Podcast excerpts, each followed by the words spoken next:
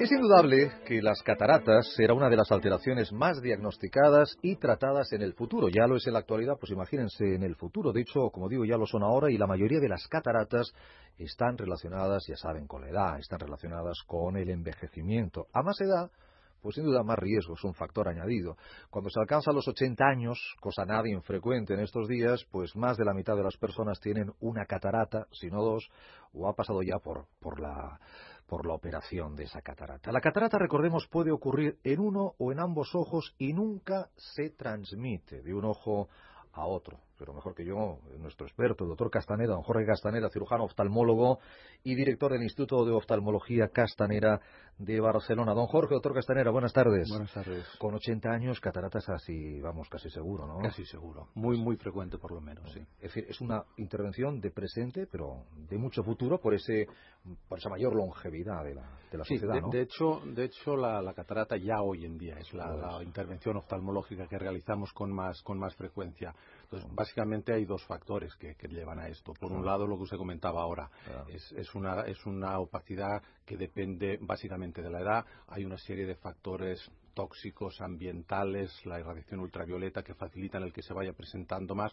con lo cual cada vez la catarata es una patología más frecuente, pero por otro lado hay también un aspecto que es que el tratamiento de las cataratas cada vez es mejor, cada vez obtenemos mejores resultados y así como antiguamente se hablaba que, lo que la catarata tiene que madurar, sí. hoy en día lo que buscamos es una solución rápida, precoz para rehabilitar rápidamente a estos sí, pacientes. Hoy en día cuanto más rápido mejor, pero para que sea rápido yo le quería preguntar ¿Qué síntomas genera esta patología para que yo me dé cuenta de que, cuidado, puede ser una, una catarata, vaya a verle y me pueda operar lo antes posible, doctor? Sí, básicamente los síntomas van ligados al hecho de que la catarata es una opacidad del cristalino, de la lente del ojo, y por sí. lo tanto lo que va a hacer fundamentalmente es una pérdida visual, más o menos marcada, más o menos rápida, siempre indolora, nunca se puede pensar que por un dolor sea por una catarata, o sea, es básicamente una pérdida de visión.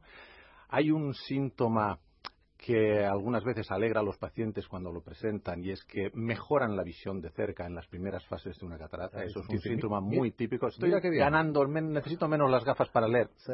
Normalmente es una señal de que está empezando una catarata. Pero básicamente el, el síntoma que se nota es el de pérdida de visión. Y, es lento, ¿no? El, es lento. Habitualmente es lento, progresivo a lo largo de años. Uh -huh. Eso a veces lleva a los pacientes a adaptarse a esa pérdida de visión y realmente no son conscientes de cuánta visión han perdido sí. A esa evolución. Sí, sí. El láser, como sabe la audiencia, tiene infinidad de aplicaciones en oftalmología. Fue la primera especialidad realmente en, uh -huh. en utilizar de un modo para de tratamiento el, el, láser. ¿Es una herramienta útil cuando hablamos de cataratas, doctor Castanera? No, realmente el láser se ha probado, se uh -huh. ha probado. Lo que pasa es que el láser no tiene suficiente eficacia sí. para deshacer una catarata y poderla aspirar. Lo que, lo que estamos utilizando como técnica habitual es los ultrasonidos. Se utiliza una aguja muy uh -huh. finita que vibra a 40.000 ciclos por segundo. Esto genera una onda de choque de ultrasonidos que deshace la catarata y nos permite aspirarla a través de una incisión muy pequeña. Entonces, realmente los ultrasonidos es la técnica adecuada, es lo que hay que utilizar. El láser en ese momento no. no. funciona. Sí, para cirugía refractiva, es decir, si miopía, si hipermetropía, si astigmatismo, no cataratas. No para cataratas. ¿Hay que poner en todas las operaciones lentes intraoculares, doctor? Sí, sí, sí. prácticamente en, la, en, todos los casos. Eh, como decíamos, la catarata es la lente del ojo que se opacifica y lo que hacemos en el tratamiento es quitarla. Por lo tanto, hay que sustituirla con una lente artificial, con una lente, con una lente intraocular. Entonces, este es uno de los capítulos en los que se está obteniendo un, desarrollo muy importante que nos, nos, permite obtener una rehabilitación de los pacientes mejor. Las lentes intraoculares han evolucionado mucho de las primeras que se empezaron a poner allá por los años 50. ¿eh? Ha habido una, una evolución considerable. En los años 50 eh, ya se ponían lentes intraoculares. La primera lente se puso en el año 48, si no recuerdo mal. ¿eh? Fue un cirujano, un cirujano inglés que Ridley, Harold Ridley, que se dio cuenta de que los fragmentos de la carlinga del, de los aviones, de los pilotos, tenían en el ojo y no les hacía reacción inflamatoria y se le ocurrió diseñar una lente con el mismo material con el que se hacía la carlinga de los aviones y implantó una lente, una lente intraocular. Pues hace 60 años de eso. Hace un poquito. Realmente la, la edad moderna de las lentes intraoculares sí. empezó a partir de la década de los 80, ¿eh? pero la primera lente fue eso, a finales de, a finales de los 40 cuando se puso. ¿Y cómo son ahora esas lentes? ¿Son similares todas, al igual que, por ejemplo, o, son, o son diferentes como las gafas, eh, que cada uno, que no sé, según su cara, según su gusto? Ahí, ahí es, desde luego hemos vivido un cambio cambio importante. Al principio prácticamente había solamente un tipo de lentes con pequeñas variaciones en cuanto al diseño de la lente, pero que básicamente eran lentes monofocales. Pues se conseguía un enfoque para lejos y punto. Para cerca había que utilizar unas gafas, unas gafas para leer. Hoy en día esto ha ido evolucionando. Entonces hay lentes de tipo esférico, hay lentes tóricas para corregir también el astigmatismo, pero sobre todo el desarrollo mayor lo estamos teniendo con las lentes de tipo bifocal o multifocal.